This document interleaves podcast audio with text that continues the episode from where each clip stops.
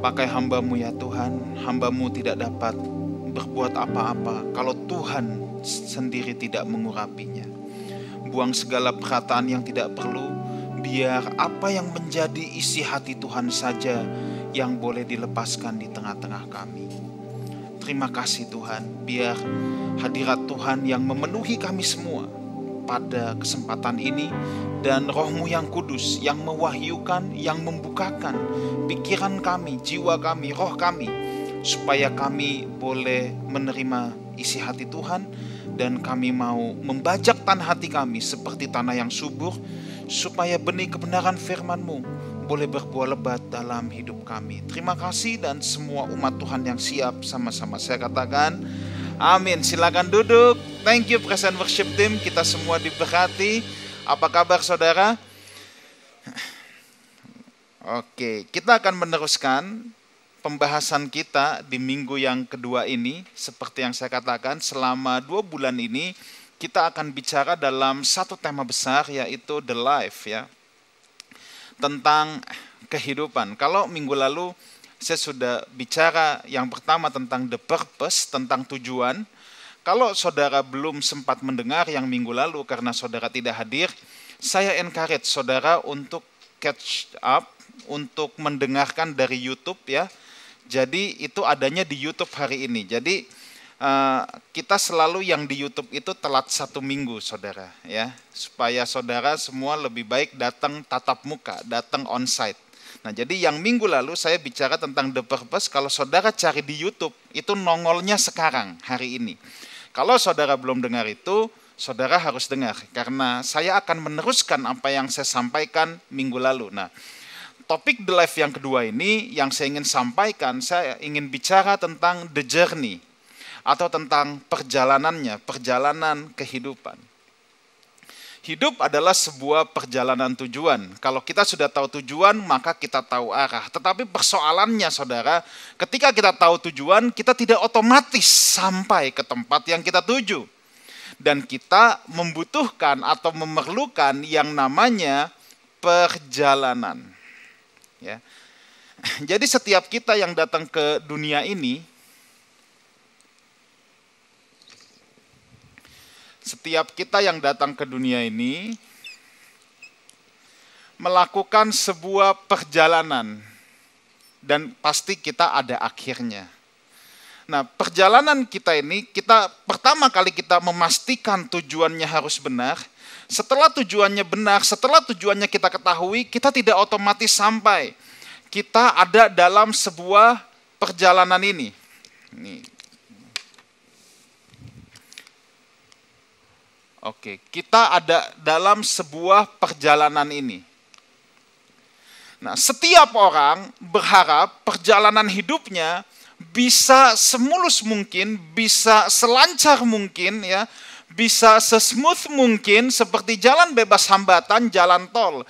Itulah sebabnya salah satu pertanyaan yang paling banyak ditanyakan kepada pendeta adalah ini Gimana saya tahu kehendak Tuhan?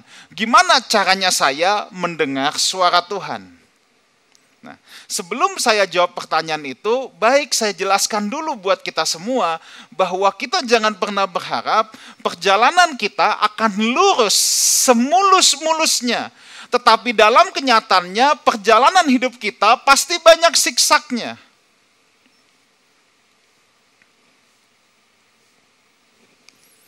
Kalau memang orang bisa mendengar persis 100% persisi apa yang Tuhan mau, pasti lurus. Tapi persoalannya, dengar begini, berjalan bersama Tuhan itu bukan perjalanan mistis, tetapi sebuah perjalanan yang sangat natural. Layaknya orang hidup sangat natural.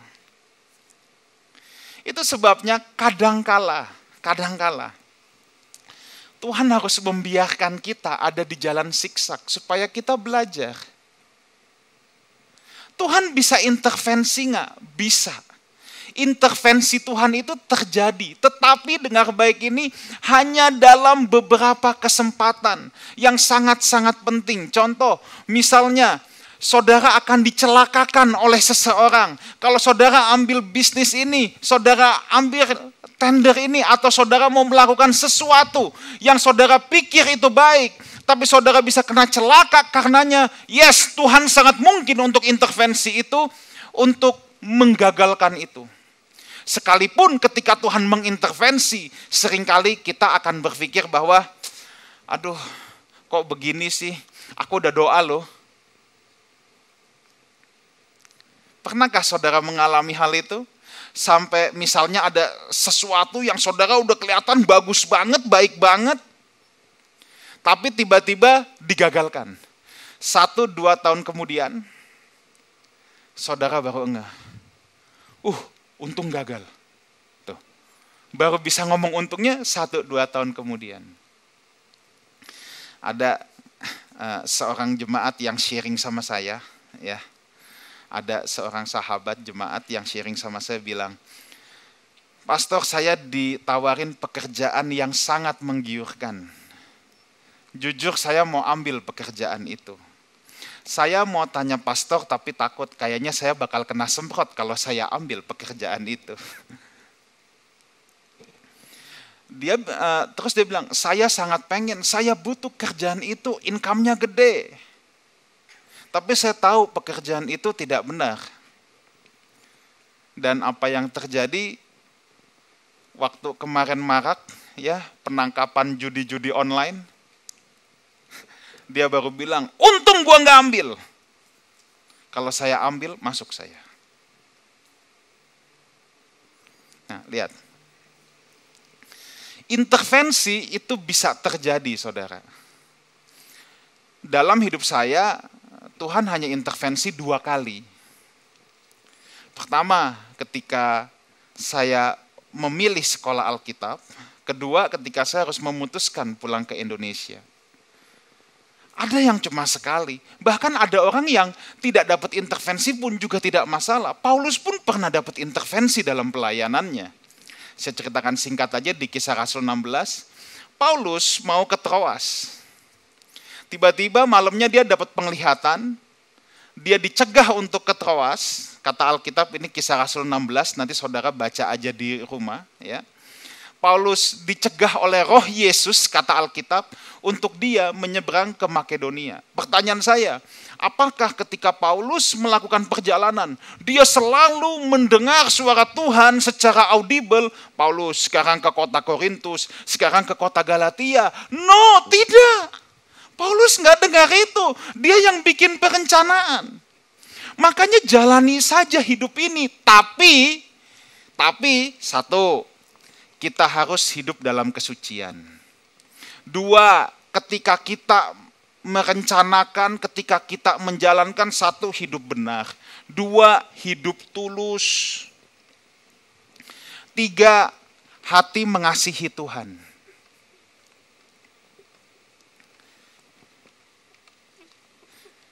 Ini empat modal yang saudara harus ingat dulu. Kesedia yang apa keempat kesediaan untuk bertobat.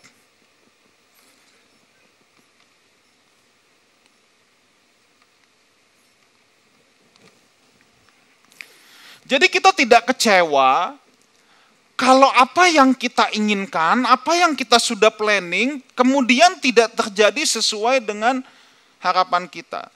Dan tadi saya katakan kadangkala ada keputusan-keputusan yang kita ambil itu salah, tapi Tuhan biarkan. Tentunya itu tidak akan membahayakan jiwa kita, tidak akan.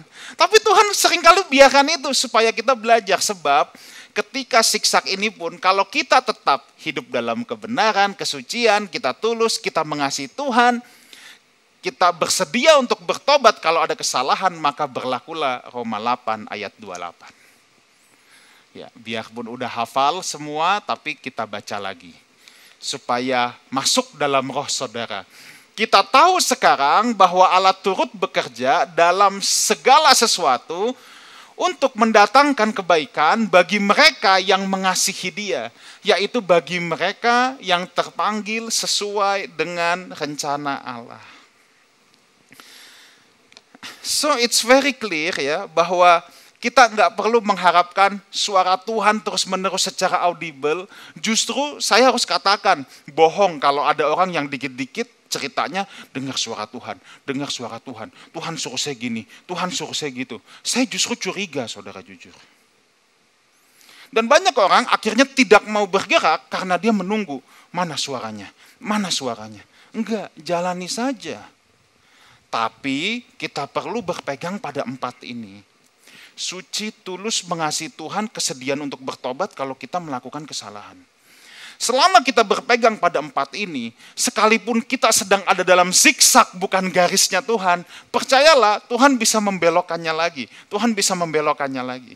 Tapi kita mesti berpegang pada empat ini.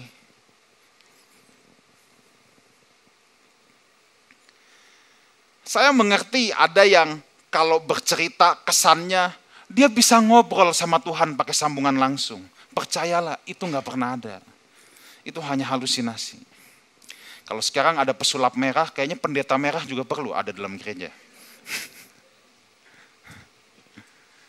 Nah oke, okay. ada empat prinsip perjalanan yang saya secara sederhana mau bagikan buat saudara.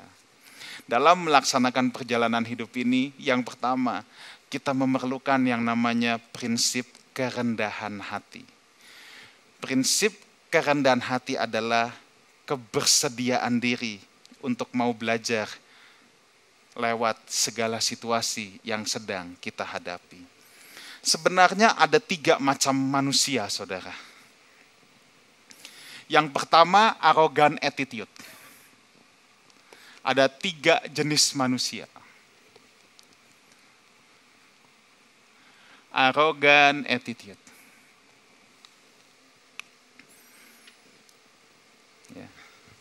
Arrogant attitude berkata bahwa tidak ada yang bisa ajari saya apa pun. Tidak ada yang bisa ajari saya apa pun. Dengan kata lain, saya tahu dari Tuhan langsung.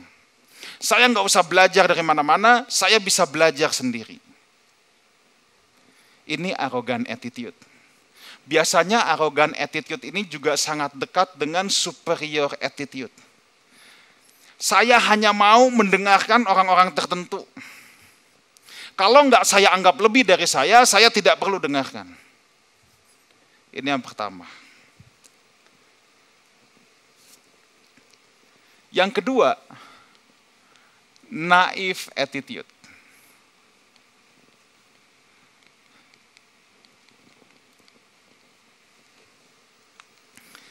Naif attitude. Naif attitude itu bicara ada orang yang bisa ajari saya segalanya. Jadi dia cuma mau belajar dari satu sumber dan dianggap bahwa sumber itu bisa ajarin dia segala hal. Nah, naif attitude ini kalau ditransliterasikan ke dalam orang yang memeluknya, kemudian dia akan memanifestasikannya gini, saya bisa melakukan semua hal sendiri. Nah, itu naif attitude. Saya bisa melakukan semua hal sendiri. Makanya sekali lagi saya bilang, saya nggak bisa semua hal saudara. Saya perlu bantuan rekan-rekan hamba Tuhan lain untuk ikut memperlengkapi saudara. Sebab saya nggak bisa menguasai semuanya sendiri karunia ada begitu banyak, jawatan ada lima, saya tidak bisa punya semuanya sendiri terus. Saya berkata, saudara nggak usah belajar dari yang lain, belajar dari saya saja. Enggak. Ada orang yang jauh lebih ahli daripada saya bidang keluarga, maka kita undang. Ada orang yang jauh lebih ahli dari saya, misalnya bidang konseling. It's okay. Karena saya memang tidak bisa segalanya. Tapi ada yang ketiga, ini yang harus kita miliki. Teachable attitude.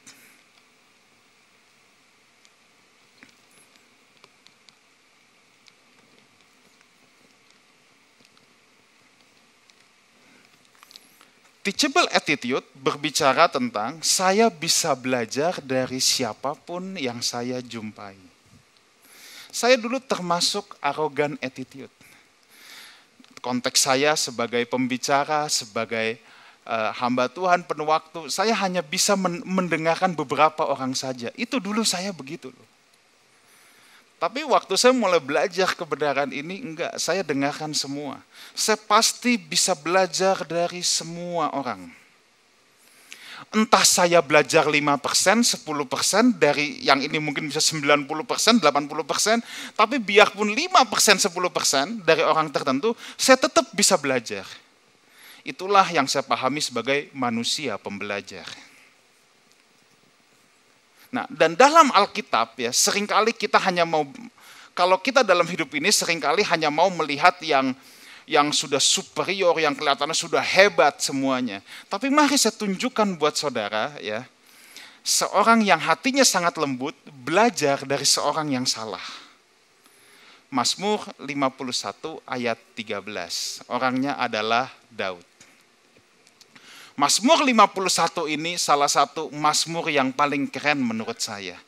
Mazmur 51 digubah ketika Daud jatuh sama Bathsheba dan Nabi Nathan menghampiri Daud, menegur dia karena dia berbuat salah. Lalu lihat apa yang Daud katakan. Mazmur 51 ayat 13. Janganlah membuang aku dari hadapanmu, dan janganlah mengambil rohmu yang kudus daripadaku. Bahasa Inggrisnya mantep. Bahasa Indonesia juga udah cukup mantep ini. Cast me not away from thy presence and take not thy Holy Spirit from me. Jangan buang aku dari hadiratmu. Coba saudara bayangkan kalau saudara di posisi Daud. Ini bukan berarti saudara berzina ya, bukan ya tapi yang saya maksudkan saudara berada di posisi Daud adalah saudara bayangkan saudara melakukan sebuah kesalahan sehingga saudara tahu persis Tuhan oppose dengan saudara. Tuhan tidak di pihak saudara, Tuhan berseberangan dengan saudara. Apa yang saudara paling takutkan? Coba tanya sama dirimu sendiri. Untuk orang yang punya bisnis, takut kerajaan bisnisnya roboh untuk orang yang punya popularitas, takut popularitasnya yang roboh. Ya kan? Coba lihat Daud. Kita harus tanya dulu sama diri kita sendiri. Seandainya kita ada di posisi Daud, kita berada berseberangan dengan Tuhan, apa yang saudara paling takutkan untuk saudara kehilangan? Di sini Daud luar biasa. Daud tidak takut kehilangan kerajaannya. Saudara cari di nyanyian pengakuan dosa Mazmur 51. Tidak ada satu ayat pun yang Daud bilang, Tuhan kerajaanku jangan diambil. Kiranya aku bisa tetap kokoh berdiri. Nggak ada. Yang Daud paling takut itu ini. Cast me not away from thy presence. Jangan buang aku dari hadiratmu jangan ambil rohmu yang kudus daripadaku. Kenapa sampai Daud bisa ngomong gini? Sebab Daud belajar. Daud lihat dengan mata kepalanya sendiri. Seorang yang diurapi Tuhan. Raja yang hebat. Saul namanya. Dia lihat dengan mata kepala dia sendiri. Bagaimana kalau seseorang dibuang dari hadirat Tuhan. Dan roh Tuhan undur daripadanya. Dan itu yang Daud paling takutkan. Daud tidak takut kehilangan kerajaan.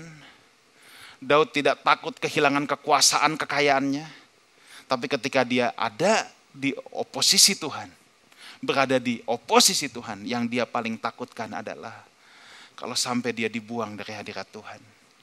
Kalau sampai roh Tuhan yang kudus meninggalkan dia, itu yang paling Daud takutkan. Dan karena Daud belajar dari seorang yang gagal. Kalau Daud tidak pernah melihat Saul bagaimana roh Tuhan undur dari Saul, belum tentu Daud bisa berkata seperti ini. So, miliki teachable attitude. Kita bisa belajar dari semua orang yang kita jumpai. Kita bisa belajar dari semua orang yang kita jumpai. Yang kedua, kalau tadi yang pertama dalam perjalanan prinsip kerendahan hati, yang kedua adalah kita harus tahu Tuhan menyukai dan mengutamakan proses perjalanannya. Bukan hasilnya, proses perjalanannya. Manusia cenderung result oriented, tapi Tuhan menghargai proses perjalanannya. Itulah sebabnya dalam perjalanan ini Tuhan suka izinkan zigzag terjadi. Ada hal-hal berat, hal-hal yang tidak kita inginkan. Justru itu yang menggojlok kita. Itu yang membentuk kita. Karena Tuhan memang lebih menyukai prosesnya. Makanya untuk ibu-ibu di sini coba lihat yang punya anak yang masih sekolah ya. Yang paling penting itu proses belajar dia bukan resultnya. Bukan resultnya, pokoknya kamu harus ini, harus ini, harus ini. Resultnya harus begini. Enggak, yang paling penting itu proses belajarnya. Makanya Tuhan tidak peduli mau bangsa Israel sampai di Kanaan 40 hari, 4 tahun atau apa. Mau 40 tahun sekalipun it's okay. Karena Tuhan sangat mementingkan proses perjalanannya. Kenapa? Sebab dalam proses perjalanan itu ada pembentukan Tuhan. Kenapa Tuhan harus membentuk? Yesaya 43 ayat 21. Yesaya 43 ayat ke-21. Umat yang telah kubentuk bagiku akan apa? memberitakan kemasyuranku. Minggu lalu saya sudah membahas bahwa ciptaan harus menceritakan kemuliaan penciptanya. Karena kita punya misi itu. Kita punya misi memberitakan kemasyuran Tuhan. Makanya nggak ada cara lain. Orang yang bisa menceritakan kemuliaan Tuhan adalah orang yang dibentuk oleh Tuhan. Yang namanya dibentuk itu nggak enak yang namanya dibentuk kadang-kadang sakit, kadang-kadang berat. Wahyu 3 ayat 19. Ini juga pembentukan saudara. Barang siapa ku kasihi, apa? Ya ku tegur dan ku hajar. Sebab itu relakanlah hatimu dan bertobatlah. Paradoks ya yang dikasihi justru dihajar dan ditegur. Lihat. Justru orang yang dikasihi Tuhan, nah ini prosesnya begini. Dan ketika zigzag ini, Tuhan bisa menghajar kita, bisa men, bisa menegur kita. Dan itu tanda Tuhan mengasihi saudara dan saya. Makanya kalau bertemu didikan Tuhan harus dirayakan. Didikan Tuhan itu bukan untuk dihindari, didikan Tuhan itu untuk dirayakan. Kenapa dirayakan? Sebab berarti kita dikasihi oleh Tuhan. Berarti kita dikasihi oleh Tuhan. Prinsip yang ketiga. Perjalanan mencapai tujuan adalah jalan yang penuh misteri. Jalan Tuhan adalah jalan misteri. Ibrani 11 ayat yang ke-8. Ibrani 11 ayat yang ke-8.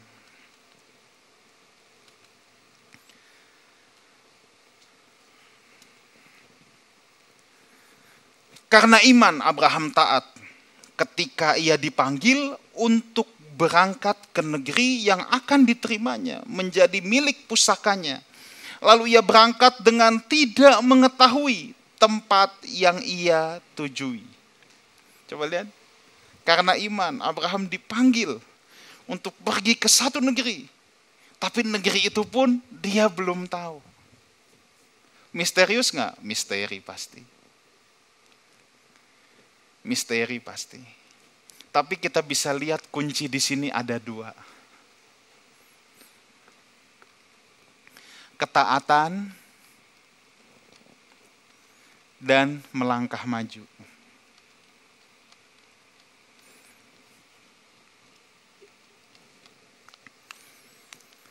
Selalu saya suka cerita begini. Mungkin sebagian saudara sudah pernah mendengar. Kalau hidup kita dalam perjalanan kehidupan kita ini, katakan ada banyak pintu yang harus kita lewati. Dengar baik ini, Tuhan nggak pernah kasih lihat ujungnya langsung. Katakan ini ada delapan pintu. Tuhan nggak pernah kasih lihat delapan langsung. Yang Tuhan mau taat. Engkau lewati pintu yang pertama, Tuhan bukakan pintu yang kedua. That's why. Itulah perjalanan Abraham. Itulah perjalanan para rasul. Tapi sering kali kita tuh mau langsung tahu pintu yang terakhir. No, kita cukup taat dan melangkah. Jangan takut salah. Selama saudara berpegang pada empat ini, suci, tulus, mengasihi Tuhan, kesediaan untuk bertobat, melangkah saja. Melangkah saja. Yang penting kita punya prinsip. Hari ini aku harus lebih maju daripada kemarin. Entah mungkin majunya cuma satu langkah, at least lebih maju. Jangan sampai kita stuck, jangan sampai kita diam di tempat. At least saya belajar sesuatu hari ini. Makanya saya ajak kita semua belajar, baca, yuk kita baca Alkitab bersama. Ya, kalau saudara nggak kuat tiga pasal, satu pasal juga nggak apa-apa. Yang penting maju, jangan diem di tempat. Sebab kalau kita diem di tempat, kita tidak akan sampai ke tujuan. Yang penting kita melangkah maju, biarpun pelan, nggak apa-apa. Melangkah aja maju, melangkah aja maju. Terus, ya memang jalan Tuhan itu jalan yang penuh dengan misteri. Kenapa Tuhan biarkan misteri? Manusia itu tidak suka dengan misteri. Ya. Manusia itu tidak suka dengan misteri. Kenapa orang datang ke paranormal? Kenapa orang datang ke tukang kuamia? Mau tahu masa depannya? Karena manusia nggak suka dengan misteri. Manusia mau tahu ujungnya. Saudara kalau kita lihat sulap aja itu kan banyak yang mikir ini triknya gimana ya? Sebab memang manusia itu tidak suka dengan yang namanya misteri. Nah tapi kalau sama Tuhan kita nggak bisa begitu. Kita jalani aja. Sebab ketika kita melewati satu pintu, nanti baru kita ngerti. Jalan sama Tuhan tuh begitu. Yang keempat, yang terakhir. Dalam perjalanan tujuan ini ya. Yang pertama prinsip kerendahan hati. Yang kedua Tuhan menyukai prosesnya. Nikmati semua proses yang sedang terjadi dalam hidupmu. Sekalipun gak enak, nikmati saja. ya. Yang ketiga, Tadi jalan yang penuh misteri, yang keempat dalam perjalanan unit rest, rest of the journey. Saudara perlu tempat peristirahatan. Di jalan tol yang panjang biasanya ada rest area. Untuk apa? Untuk revive, untuk memulihkan energi kita. Perjalanan ini panjang, saudara. Perjalanan ini panjang dan percayalah kalau saudara tidak pernah mengenal apa yang namanya res, saudara akan kecapean, akan tumbang di tengah jalan. Kita perlu retret pribadi. Kita perlu res. Yesaya 30 ayat 15. Yesaya 30 ayat 15.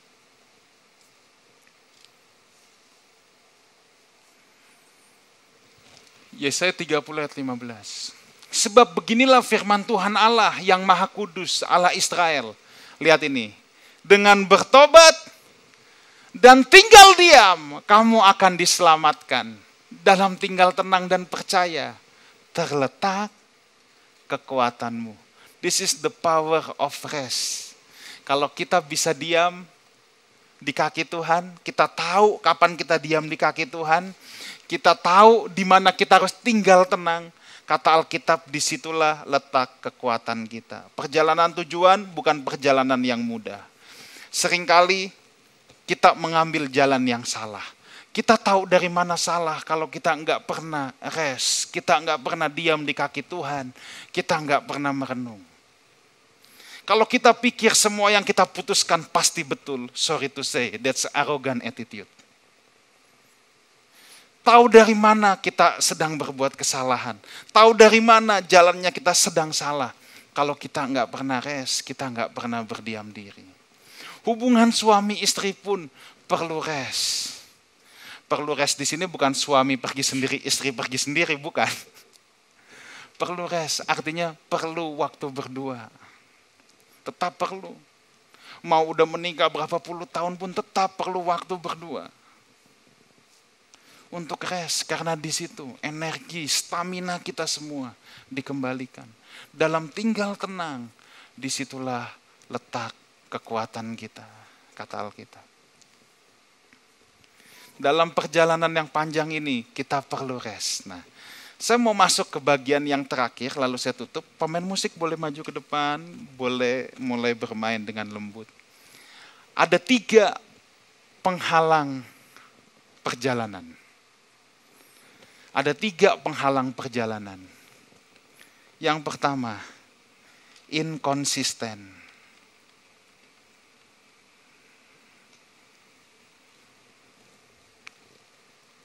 Inkonsisten. Hidup benar satu hari itu tidak sulit. Yang sulit adalah konsisten setiap hari, ya kan? Dulu saya menyukai permainan bowling. Karena bowling itu sebenarnya lawannya bukan orang lain, lawannya diri kita sendiri.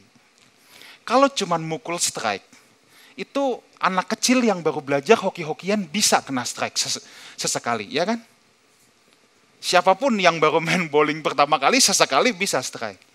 Persoalannya, bisa nggak diulangi terus? Nah, perjalanan tujuan sangat sangat membutuhkan apa yang namanya ini konsistensi. Hari ini kita maju, good. Besok kita masih mau melangkah nggak? Hari ini aku baca Alkitab. Pertanyaannya, besok, lusa, minggu depan, bulan depan kita masih mau baca Alkitab nggak? Hari ini kita mau berdoa, good. Pertanyaannya, besok, minggu depan, bulan depan kita masih mau berdoa nggak? inkonsisten, musuh pertama dalam perjalanan ini. Musuh yang kedua, kemalasan atau laziness.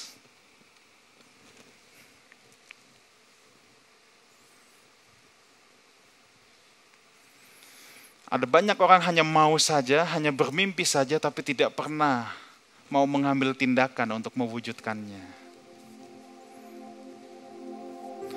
Injil tidak akan bisa ke seluruh dunia kalau murid-murid cuman berkata bahwa oh ya nanti Injil akan ke seluruh dunia dari Yerusalem, Yudea sampai ke ujung bumi. Tapi mereka nggak ambil tindakan.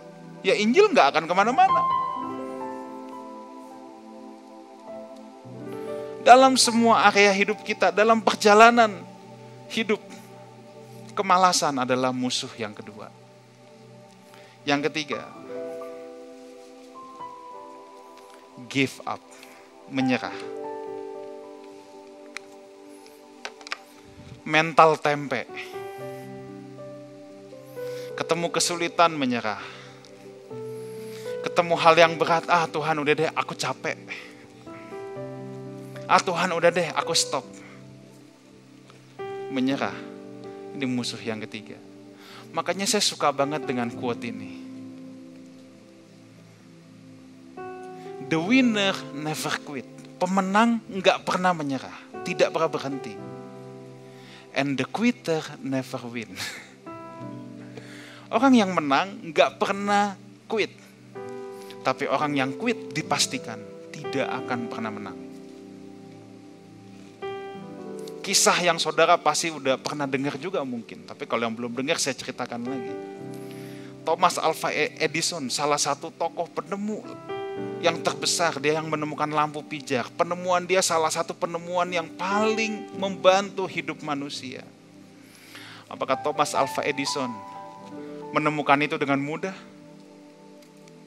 Dari artikel, banyak artikel yang saya baca, dia sudah mencoba seribu kali lebih gagal dalam percobaan itu.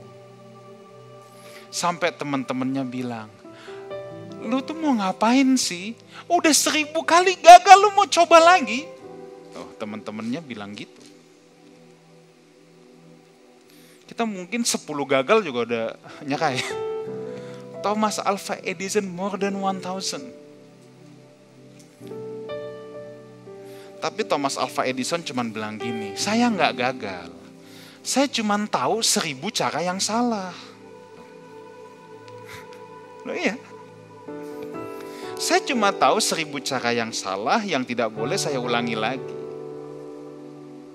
And finally he did it. Dia menemukannya. Kenapa? Karena dia nggak pernah menyerah. Saudara, jangan nyerah ikut Tuhan. Mungkin ada banyak tantangan dalam hidup saudara yang yang bisa membuat 100 alasan supaya saudara menyerah stop ikut Tuhan. Tapi saya mau katakan, jangan nyerah. Sebab orang yang nyerah nggak akan pernah jadi pemenang. The quitter never win. Tidak akan pernah. So, welcome to the journey. Saya berdoa kita semua melakukan perjalanan kehidupan kita. The journey of life. Dengan penyertaan Tuhan. Dan kita semua bisa sampai kepada tujuan yang Tuhan mau kita jadi. Mari kita bangkit berdiri, kita datang sama Tuhan.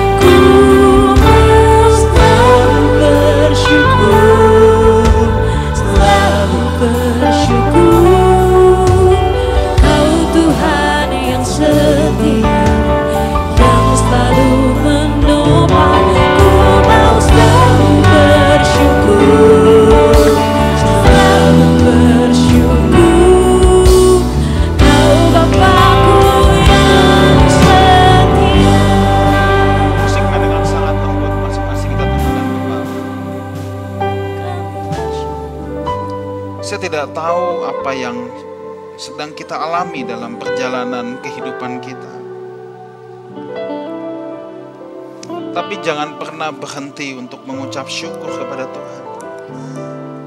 Saya percaya Tuhan pasti menyertai kita semua. Tuhan menuntun kita semua. Yang penting kita mau komit Tuhan aku mau hidup dalam kesucian. Aku mau hidup dalam ketulusan. Aku nggak mau punya niat jahat. Aku tidak mau punya niat yang tidak baik terhadap Tuhan maupun terhadap sesama. Mengasihi Tuhan dan aku bersedia untuk Tuhan bentuk, Tuhan hajar, Tuhan tegur. Selama kita berpegang pada empat hal ini, jangan pernah takut, saudara.